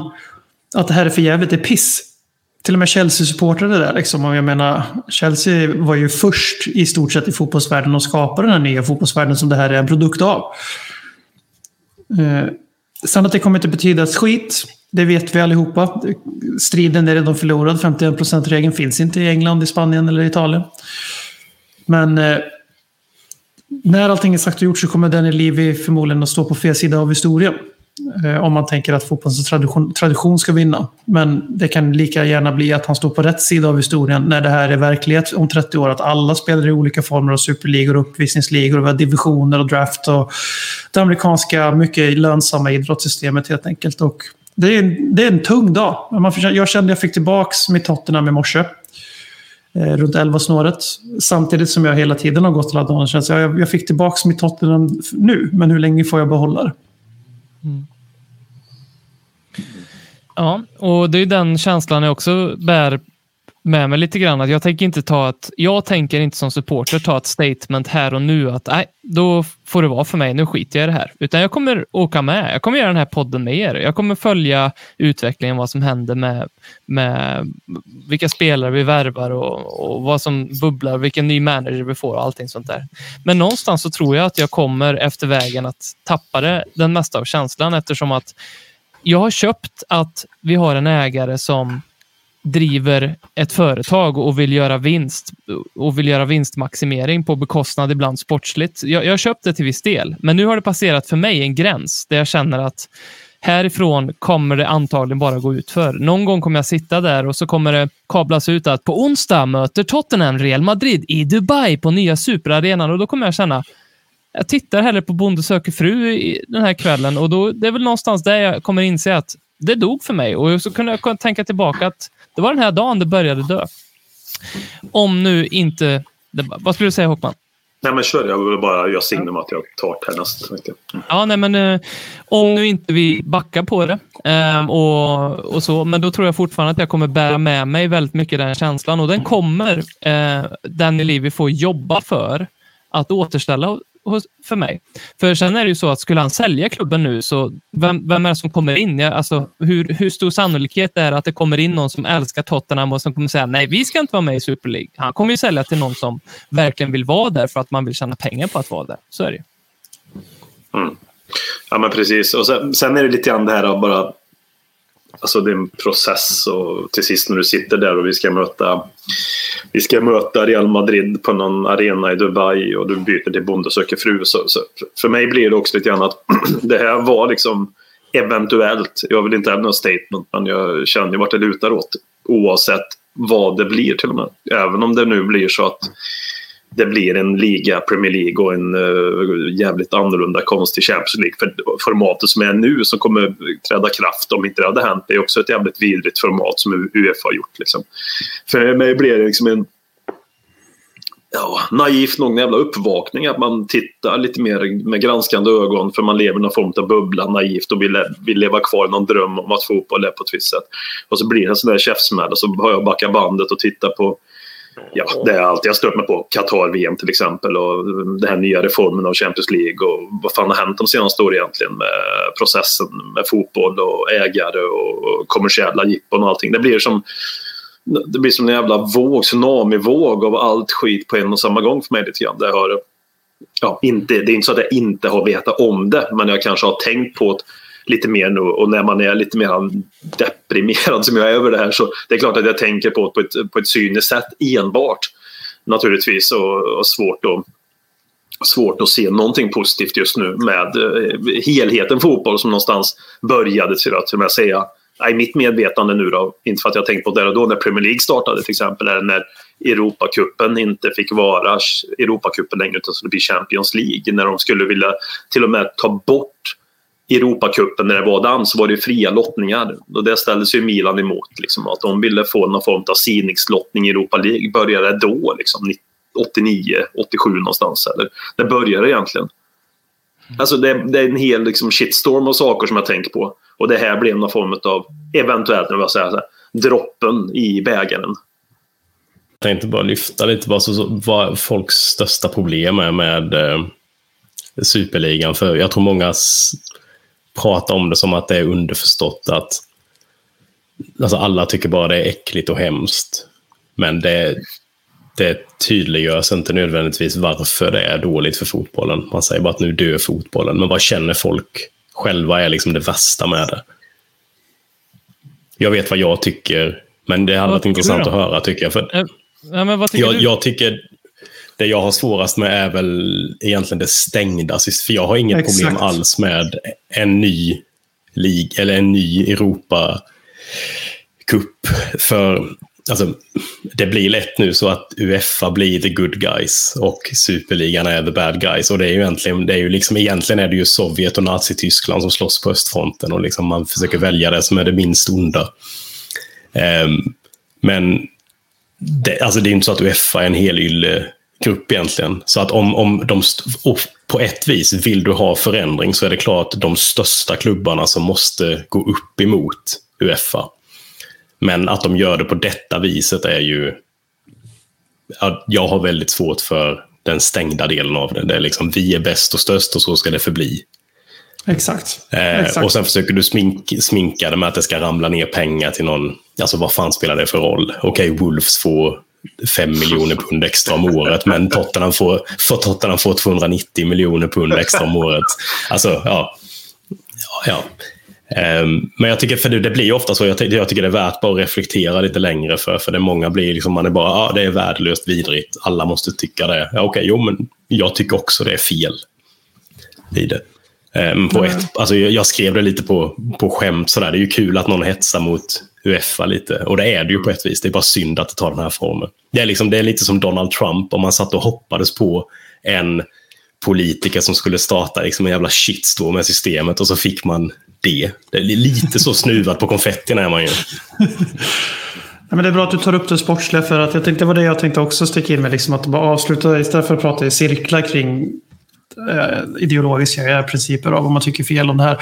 Det är ju det sportsliga som Folin exemplifierar eh, exemplierar så perfekt. Alltså problemet är inte så jävla mycket att det kommer bli en ny typ av Champions League. För jag kan inte bry mig, jag kan inte bry mig jättemycket mindre om huruvida Champions League heter Champions League eller Europa Super League. What's the difference? It's the same thing. Eh, vi har också sett i fotbollen de senaste 15 åren. Liksom, vi har Juventus och Bayern München som har vunnit 73 ligatitlar i rad. PSG samma sak. Vi, vi ser samma sex lag i England gå till Champions League varenda jävla säsong. Och så fort ett lag sticker upp så plockas det sönder. Alltså, fotbollen är redan de starka äter de svaga. Och var- och så har det alltid varit kommer det alltid vara. För att bli, är man sportligt framgångsrik så får man mera ekonomiska vinster. Så brukade fotbollen vara. Sen så ändrades det till att man kom på att ja, men vi kan ju köpa oss till den där framgången som i sin tur föder mer ekonomisk vinst. Bla, bla, bla. Men som Folin är så vackert inne på, det kommer vara 15 klubbar som har permanenta platser i den här ekonomiska kassakon som gör att de kommer alltid vara topp 15 på alla listor. Och sen ska de sitta vid ett runt jävla bord varenda år och säga de här fem är värdiga att delta i år. Plus, vad är den sportsliga taken? Hur, hur, om vi bara skiter i allt, som Tottenham-supporter, hur hett, upphetsad ska jag vara att se det här Tottenham vi har sett i ett och ett halvt år nu? Eh, ska jag gå in och bara, åh fan vad kul att spela i Europa Super League där vi är liksom lag 19 av 20? Fan vad sexigt att se oss få däng av varenda europeisk toppklubb gång på gång på gång utan någon som helst konsekvens. Och vad ska Det vi är, en, egentligen... det är en bra eh, poäng. Förlåt, nu avbröt jag. det, det är en bra poäng. Vad, vad fan vill Arsenal och Tottenham i det här att göra egentligen? Vad, vad, tror vi att våra, vad tror vi att vår status kommer vara efter ett år i den här ligan? Tror vi att vi kommer få fler nya supportrar för att se oss vara slagpåsar i den här jävla turneringen? Liksom? Men jag, Ja, tror, ju- jag tror man har kalkylerat jävligt kallt med att alltså, de här klubbarna kommer inte ryka ur Premier League.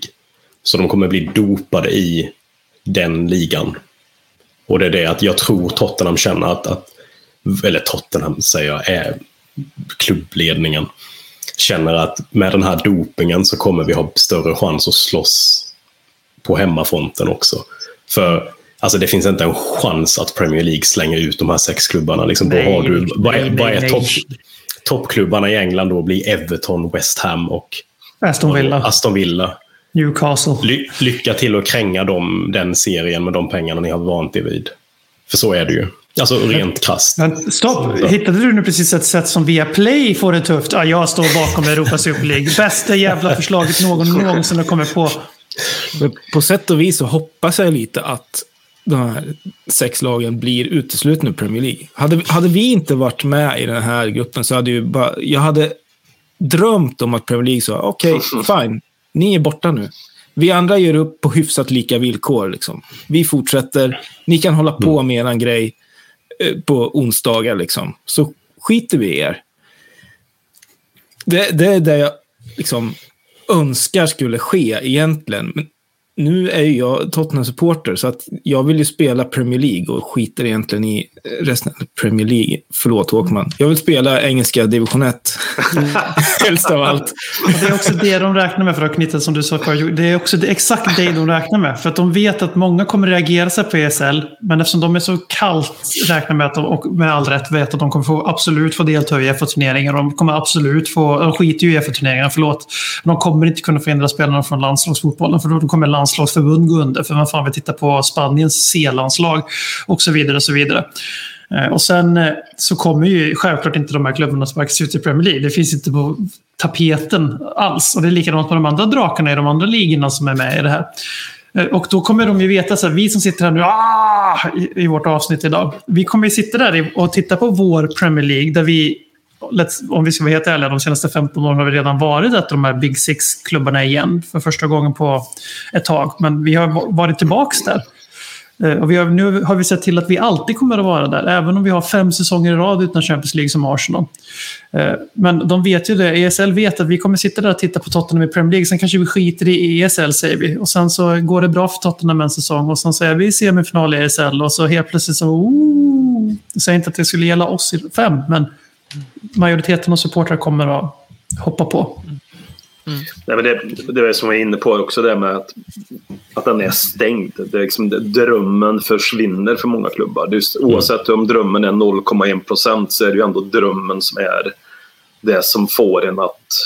Ja, men liksom, det är en stor del till att engagera sig på något sätt. Inte för att man tänker så, men nu när, man, nu när jag tänker tillbaka så är ju liksom drömmen, förhoppningar, visionen om att nå framgång en jävla drivkraft. Liksom. Tänk ett allsvenskt lag till exempel. Oavsett den mikroskopiska delen av en framgång för dem är att nå Champions League till exempel med allt vad det innebär. Att han är borta, ja nu kommer den finnas kvar. Alltså att han drömmen försvinner kommer ju också ta udden av saker och ting. När det kommer till Europacupspel så att säga. Oavsett att framgången för en svensk klubb är att nå dit och inte att vinna liksom, naturligtvis. Eh, så det är ju absolut det mest ruttna i det hela tycker jag också. Det är ju, håller jag med om, men det är också, tycker jag, en annan rutten sak i det, hur det våldför sig på sportens kärna på något vis. För även om jag vet att Tottenham inte kommer vinna ligan nästa år, även om jag vet att inte vi kommer att gå till final i Champions League igen, så tycker jag det är spännande att följa mitt lag med de nyförvärven vi gör, med spelare vi väljer att satsa på, utvecklingen som sker. Och det skulle jag ju tycka om jag höll på Tranmere Rovers också att ja, men till nästa säsong, då kommer den där lovande nya spelaren in och då får vi en ny tränare och då har den spelaren blivit lite mer erfaren och sådär. Det här, alltså alla de här incitamenten för den typen av utveckling försvinner ju också när man vet att ja, egentligen, kära Daniel Levy, varför ska du splasha ut på spelare för att nå Champions League när du redan är där och är garanterad en plats ut och år in? Alltså rent krasst kunna, kunna ställa upp med liksom 11 feta, trötta, före detta fotbollsspelare, typ Gareth Bale, eh, år ut och år igen. Bara PR-gubbar. För att det spelar ingen roll hur det går sportsligt. Eh, hur insatt är ni i det nordamerikanska systemet? För det Robin beskrev där är det nordamerikanska systemet med stängda ligor och drafts. Och där det sämsta laget i ligan får välja den bästa junioren varje år och sådär. Eh, och där du slår huvudet på spiken där, för det, vi kommer ju se säsonger där av olika skäl sport, eh, sportsliga främst, där vissa klubbar inte kan hävda sig i ESL. Och då kommer man inte ha något incitament att göra bra ifrån sig där, eller i Premier League, för att man vet att det är mer pengar att gå långt i ESL än att göra bra ifrån sig i Premier League. För du kan ju bli tolva den, det spelar ju ingen roll. Eh, och då kommer vi få se sån här så kallad tanking då, som det är i Nordamerika, där, man, där lag tradar bort varenda vettig spelare de har på, i slutet av säsongerna för att deras lag ska förlora så mycket matcher som möjligt för att ha en bättre chans att komma tillbaka till toppen. De har ju också ett lönetak på det, men det verkar inte vara aktuellt i fotbollen. Så vi kommer alltså få se eh, alla delar av det nordamerikanska idrottssystemet förutom lönetak just nu. Så att det finns ingen som förlorar på det här förutom supportrar och det tycker jag väl är en ganska bra slutkläm. Ja, jag bara, och de är väl upp, alltså det sättet, du får ju fylla EBM, det sättet som eh, amerikanerna bedriver sin idrott. De har ju alltid gjort till stort sett, eller? Det har väl alltid varit låsta, och låsta liksom baseball, hockeyn, NFL, eller vad fan har vi mer först? Basket NBA. och sånt där. NBA, ja. Det har alltid varit låst. Det är ju så deras kultur är. Så för dem är det inget konstigt. Att ha en stängd, stängd serie, en stängd liga och trading och allting. För dem är ju normen. Ja, det här ja, är ju inte normen för oss. Liksom. Det här är ju liksom som att vända upp och ner på själva helvetet. På det sättet. Och det är väl en hel del i Premier League i alla fall. Utav de här som man har läst om det nu är sanningen. Som är drivande så är det ju många utav de som har amerikanska ägare. Sägs det. Yes. I alla Också amerika amerikansk bank som är garant för pengarna. Exakt. Från... exakt. Så jag menar att de tar sin, sin idrottsfilosofi och gör om den här för att de ser det som ett vinnande koncept där utifrån att de har en annan typ av publik även på läktaren. Tror jag mig kanske att de har än vad vi har här till viss del i många andra europeiska ligor i alla fall. Ja, men det, ja.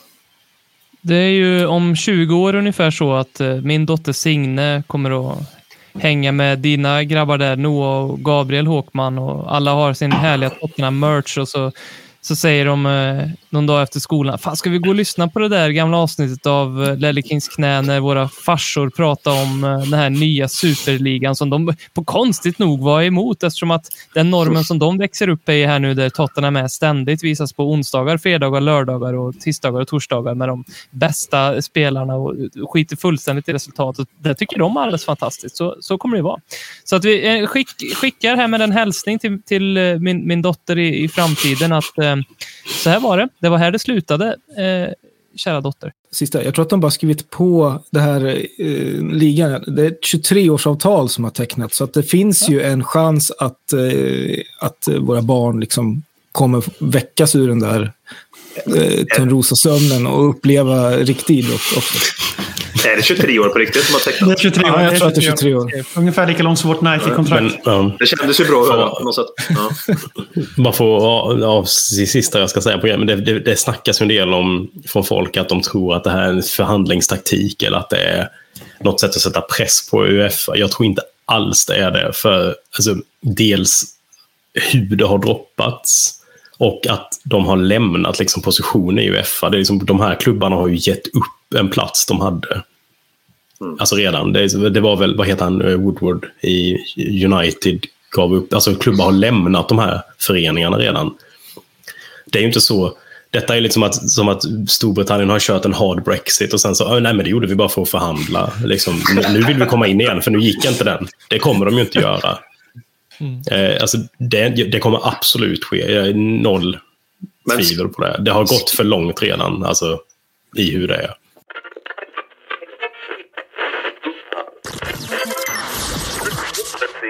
Du lyssnar på Ledley Kings knä. Billigare än terapi, roligare än knark.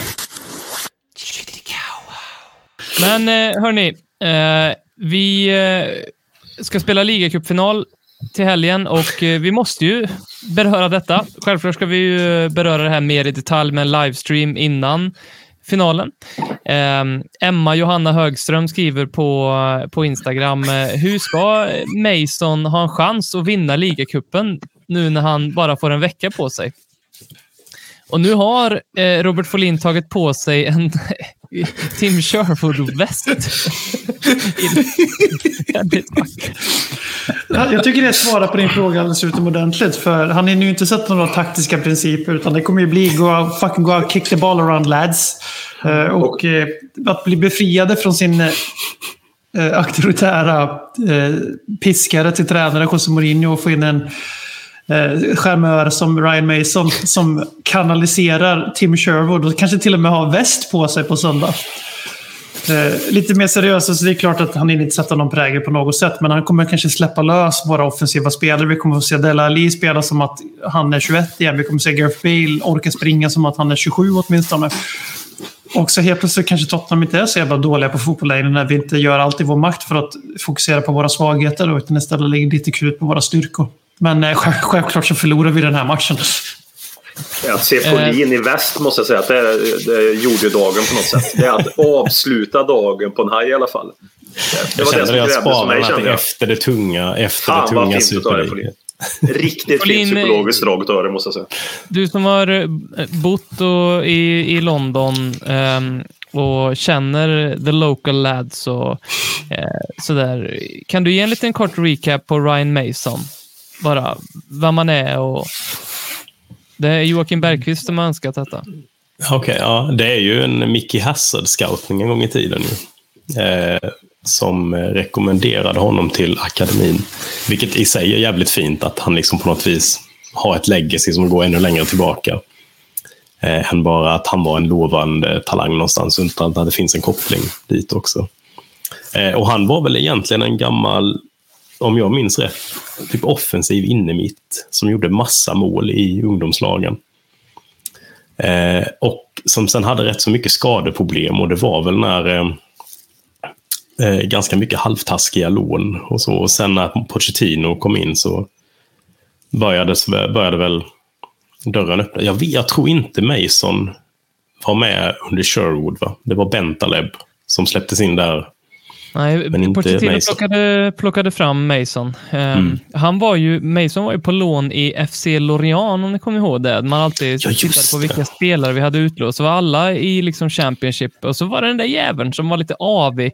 Och det var, han fick ganska sent genombrott ändå. Typ, jag tror Mm. typ 23-24 års ålder. Ja, ja. som jag vill minnas det så, så var han lite grann av dåtidens Harry Winks. Särskilt i början av Pochettino-eran. Liksom. En kille som blödde för Tottenham och man älskade, men som delade väldigt, väldigt många supportrar i, i två leda. I, liksom att han skulle bara skeppa all världens väg, för han håller inte. Medan vissa andra tycker, precis som Harry Winks idag, att nej, men han ska vi behålla för han är Tottenham through and through och han fyller en Mm. viktig funktion i truppen. Men sen så lämnade han ju för Hall och så ja, krockade han med, vem var han krockade med? Ja, men fan Minns var det. Okej, Var det någon i okej, just Chelsea? det. Var mot Ja. Chelsea. Klart det var Chelsea. Klart det var Chelsea. Ja. Och sen dess har han ju tränat våra, våra eh, ungdoms, uh, ungdomslag. Men va, helt ärligt nu då, känslor. Vad känner ni inför ligacupen med både José Mourinho spark, i, i bagage, men också superligan? Vad, vad, kan vi tagga till? Jag är mer taggad nu än vad jag var igår i alla fall. Det är, ett, det är absolut ett plus på det kontot. På grund av att Mourinho är väck, skulle jag säga. Det låter ju sjukt, alltså jag vet vi har pratat om det internt, men det var... Fan, jag har svårt att ta mig själv på allvar när jag ser mig själv här. Skitsamma. Eh, Jag med. Jag med. Nej, men att... ehm, det var så svårt att känna att man på något vis inte... Eller ja, att det skulle vara svårt att ta en seger i en cupfinal. Nu tror jag inte vi kommer vinna oavsett och jag tror inte vi hade vunnit ändå. Men chansen finns ju såklart. Eh, men det hade varit svårt att, att ta den enbart positivt med tanke på att man var så, jag var så färdig med Mourinho. Eh, Förlåt, är det bara jag eller... är Molins röst mycket högre nu när han tog på sig västen? Det känns som att den boostar upp liksom resonans i hela din hydda. Jag ska alltid köra med väst. Jag ska Det var alltid därför ha han västen på mig. körde det. Det är pondus bakom dina ord. Förlåt, fortsätt. Jag ska gå och lägga mig ikväll med västen på. Det kommer att bli 200 grader i sängen och det är enbart på grund av västen. En Tim ja. Sherwood-läggning, så att säga. Ja, men visst är man lite... Jag känner i alla fall att eh, jag känner en glädje i att oavsett nu vad som händer framåt med Tottenham, att kanske få på någon, något sätt avsluta, eh, om det nu går så illa att jag tröttnar på Tottenham fra, framöver, att få avsluta med en ligacuptitel och att det är inte den där jäveln José Mourinho som får ta den där sista titeln av det, det som var det riktiga Tottenham. Det, den tanken triggar mig och att det blir one of our own, Ryan Mason, som, som leder oss ut på Wembley för en cupfinal. Det tycker jag känns fantastiskt bra. Exakt så. Det är precis så jag känner att det finns liksom inget... Tar det slut här så finns det inget finare sätt att avsluta det på för, för min del. Liksom. Det är... Eh, ja. Ja, det här är ju att man vill, man vill att Leddy King är med på, en, på en, ett hörn fortfarande.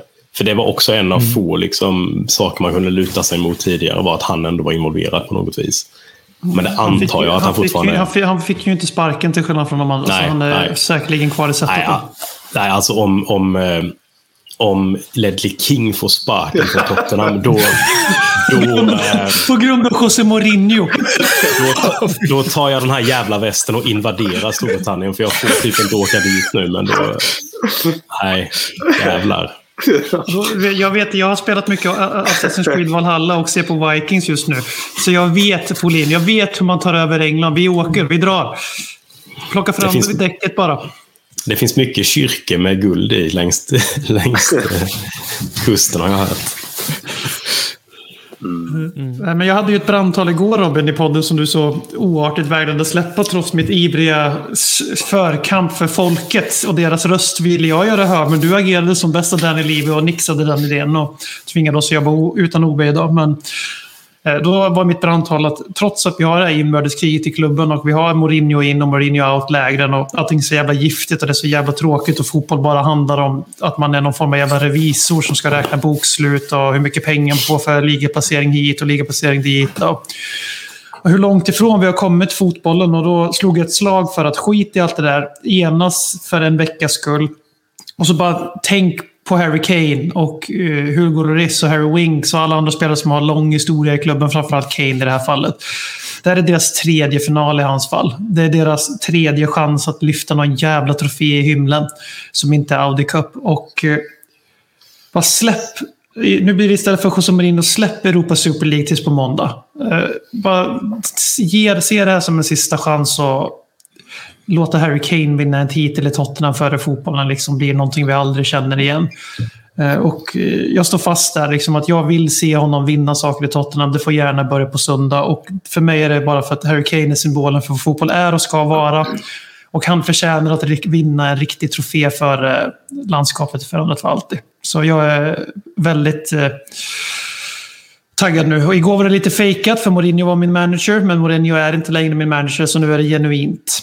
Ryan Mason och Kane och Keane och King lyfter bucklan på söndag för Robbie Keane fick, får ju självklart också en plats i staben nu tydligen. Jag vill bara säga någonting positivt också idag. Eh, Ryan Mason är ju fantastiskt fin på alla sätt att han har kommit till Tottenham. Och ska vara tränare, om det är för en eller åtta eller 250 matcher, det vet vi inte. Men det, det är i mitt, eh, vad ska jag säga, mitt hjärta landar så jävla rätt Ryan Mason. Fy fan vad skönt det känns att se han gå ut vara vår tränare. Nästan, alltså, skitsamma, låt oss torska åtta matcher. Jag, jag kommer vara mycket gladare över att ha honom på bänken än att ha vunnit med Mourinho. Oavsett vad. För det finns en värdering. Han, han känns rätt. Han är en av oss. Han bryr sig på något sätt över, över klubben. Ännu mer skulle han bry sig om han skulle gå ut av segertal och vinner så han ger en känga åt den här Europa Super League och Danny Levy också säger det fuck them all, I don't care about it. Liksom. Tänkte, ge den en känga, då, då hade du... Jag vet inte vad jag hade gjort. Det. Lite Blev, tufft läge blev, för blev Ryan sexuellt Mason. intresserad av honom kanske. Det är lite tufft läge för Ryan Mason nu. Född 1991 eh, Ja, ja. också. Så att, jag menar, han, han har ju inte jättemycket, precis som BM, eh, han har ju inte jättemycket skinn på näsan. Han är, han är lite torr under, eh, under, un- under läppen, under näsan. Men han eh, får också liksom ta den presskonferensen imorgon där han kommer bombarderas av frågor om den här Super League. Liksom. Ja, men det, Så- och det, är- det är helt sjukt att ingen, eller så är det ju fullt rimligt, men det är ju liksom fortfarande helt sjukt att ingen annan går ut och pratar om det. Snacka om att slänga ut den till mm. betet liksom. Men prata, visa lite ryggrad i alla fall och skriva så här statement att the elite clubs of Europe, som de skrev. Ja, jag vet inte.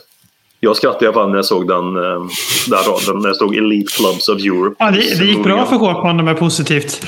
Ja, i alla fall. Mason känns fantastiskt ha som tränare. Det är väl det som jag ser positivt. Jag unnar Mason att vinna. Jag unnar alltid Mason, alltid det bästa i världen oavsett vad som händer. Han är liksom en, en husgud. Det var vi inne på förut, att vissa de, att han delade lägren. Så att säga. Men vissa personer spelar ingen roll hur jävla usla de är i Tottenham. Är de Tottenham som Mason och Harry Winks så kan de vara usla livet ut. Jag kommer alltid ha deras rygg. Liksom. Och samma sak så önskar jag Harry Kane att vinna en titel. Mer än, han- ja, förutom Mason kanske. Spelar, jag undrar att vinna en titel över allt annat.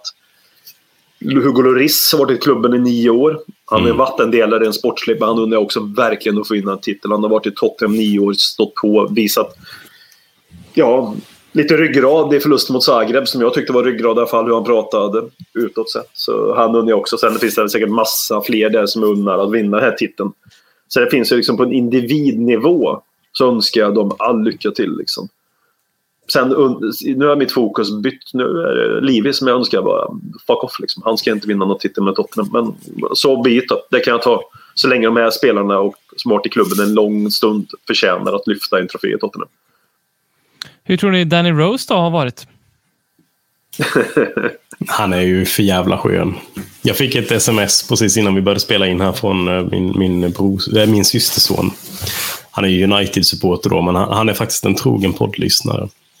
Eh, han eh, skrev att eh, Danny Rose är ju kung. han, ha, han hatar José Mourinho också. Både Kan ni ge en liten recap på, på vad, vad, hur, vad, hur Danny Rose har spenderat den här dagen?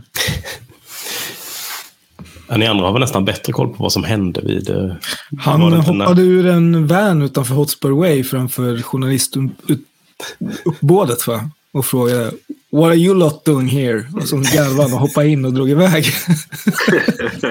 Han har också bett om att få träna med A-laget igen, för vi har ju faktiskt behandlat våran klubbikon. Alltså säga vad man vill om hans uttalanden, men det är en snubbe som skulle egentligen ha en testimonial, men som har behandlats Ja. riktigt jävla pissigt. Och vi som har, vi har sett Amazon-dokumentären, vi har sagt att det var tragiskt att se hur han både framställdes i den, för det var ganska fult sättet de framställde honom på, den med det här jävla Have you heard something from Milan? När det säkerligen var mycket sannolikt att Milan var där och krokade, för de försökte för fan köpa Wiggins vänsterback i samma fönster.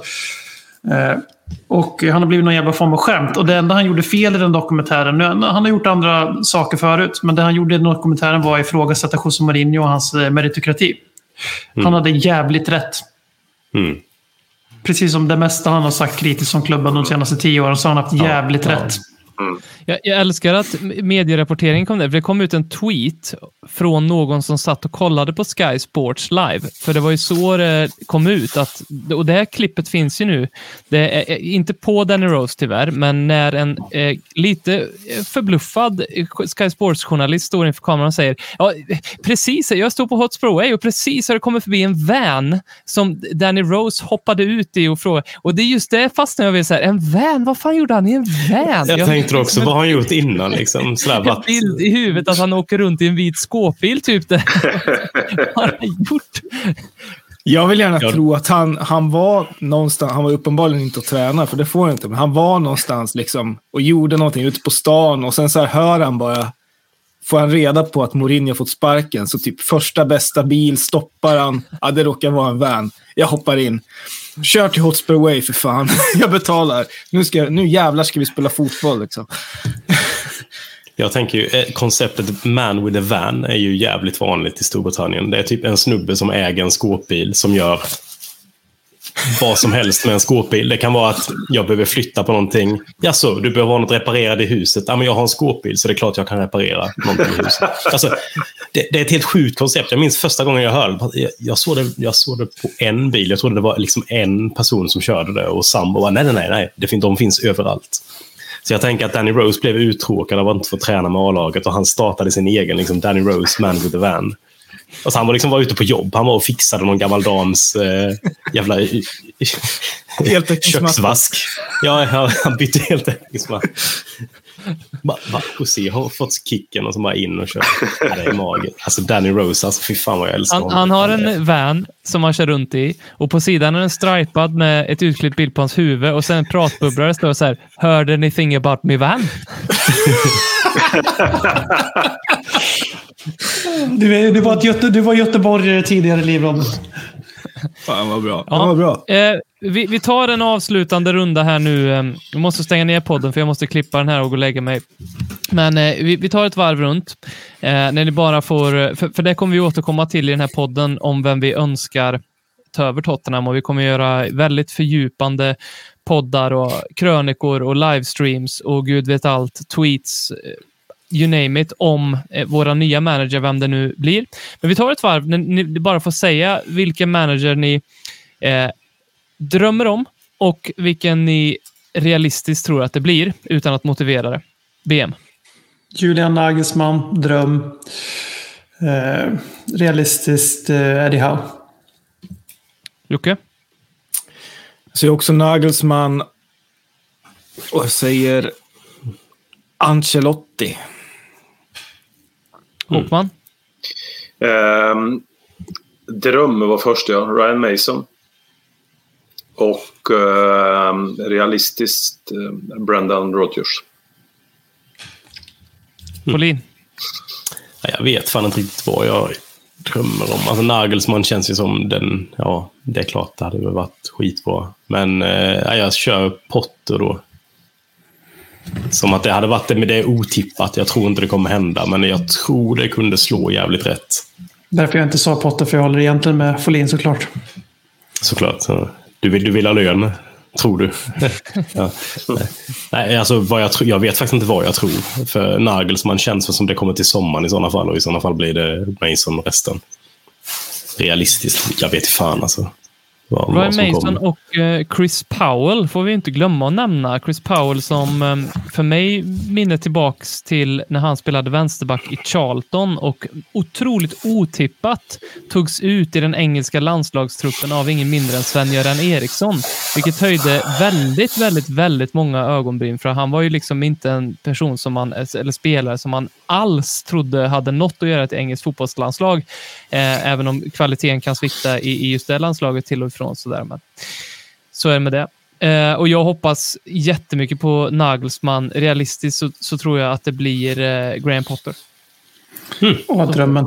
Win-win. Vi eh, sätter punkt där för eh, veckans avsnitt av Lelle Kings knä som det egentligen är det andra avsnittet. Några av er lyssnare som eh, ha- har faktiskt hört det andra avsnittet och, och, och det, det finns ju så att fan, sk- skicka DM med er mailadress om ni vill höra podden jag och BM spelade in i söndags när vi, när vi eh, inte visste. Men ladda upp den jäveln på hemsidan bara. Vi kan ladda upp det MP3-fil. någonstans. Ja, det- Ska vi inte bara registrera lkkleaks.org och läcka alla inspelningar där oklippta? Så kan man gå dit och plocka allt. Definitivt. Um, I uh, veckan så kommer det hända ett par saker. Uh, vi ska börja med att säga att vi nu och har släppt en singel. Vår första singel av många såklart. Ledley Kings Knä and Friends har släppt låten Harry's Dream som finns på Spotify, alla, alla ställen, för att tagga igång till ligacupfinalen. Medverkar gör bland annat eh, en idolfinalist. Eh, medverkar gör Dimpker Brothers, två Spurs-supportrar som spelar god countrymusik med lite folkrock-inslag. Två singlar ute på Spotify. Vi har Karin, en, eh, en twittrare, eh, väl värt att följa på Twitter. Hon spelar piano. Vi har Niklas Gabrielsson, eller om det är Niklas Lind. Jag är inte säker på vilket som är artistnamn och riktigt namn där, men som hans fantastiska pipa som hörs i, i verserna. Eh, och den låten kommer jag klippa in i slutet här, Harry's Dream med Lelle Kings Knä Friends. Och så har vi livestream inför ligacupfinalen på, på söndag. Eh, och sen så släpps ju då de här suveränt fenomenala hats off till ett fantastiskt arbete Jocke. De här t-shirtarna vi släpper i vår shop. De är helt drömmigt bra. Det är svårt att välja vilka man ska köpa. Eh, och det är bara plånboken som sätter gränsen, annars skulle jag ta dem allihopa. Eh, inte för att de är så dyra, då, men Folin ska ha sitt så att säga. Eh, det är också vi- spreadshirt som sätter gränser, så skynda på för att de kan Ja. plocka ner dem där när som helst. Liksom. Så är det. Och det är, Det är inget ju- försäljningstrick här nu, utan de försvinner. Vi har ju faktiskt haft ganska många t-shirts som har försvunnit på grund av copyright som vi inte respekterar så där jättemycket. Eh, vad skulle du säga Flink? Ja, jag tänkte bara, det, det är ju lite så stående grej att vi släpper en Erik Lamela-grej varje gång. Och den ryker först av alla. Ja. Ja, tips Så- är att ta den. Ja, Ja, verkligen. Jag har missat det två gånger tror jag. Mm, och de här t-shirtarna, de kommer ju, även om de tas ner från Spreadshirt så kommer de vara sådana legendariska t-shirts som någon bär på, på Tottenham Hotspur Stadium när någon jävel kommer och frågar vart, vart har du köpt den där t-shirten? Så, äh, gammalt, gammalt Larry Kings knä. Le Legacy fans höll på med, med den där grejen. Men om ni gillar eh, avsnittsinlägget så är ni med och tävlar om, om en t-shirt. Vi lottar ut tre stycken, så gilla på Facebook, Instagram eller Twitter. Tack så jättemycket för att ni är med oss. Här kommer Ledley Kings Knä and Friends med Harry's Dream.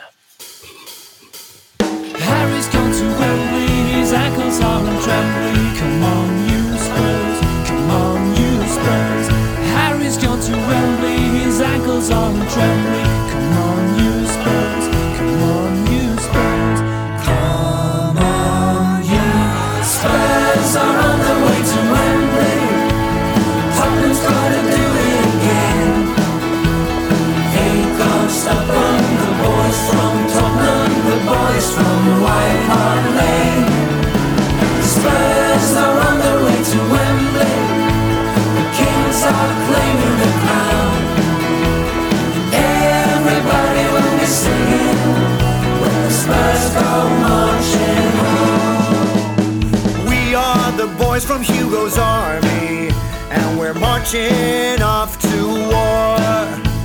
We're sending our soldiers to Wembley under General Harry Kane. We know the enemy will fear us in the battle coming up. They won't even get near us, cause we're gonna capture the cup. Come on, Spurs are on their way to Wembley.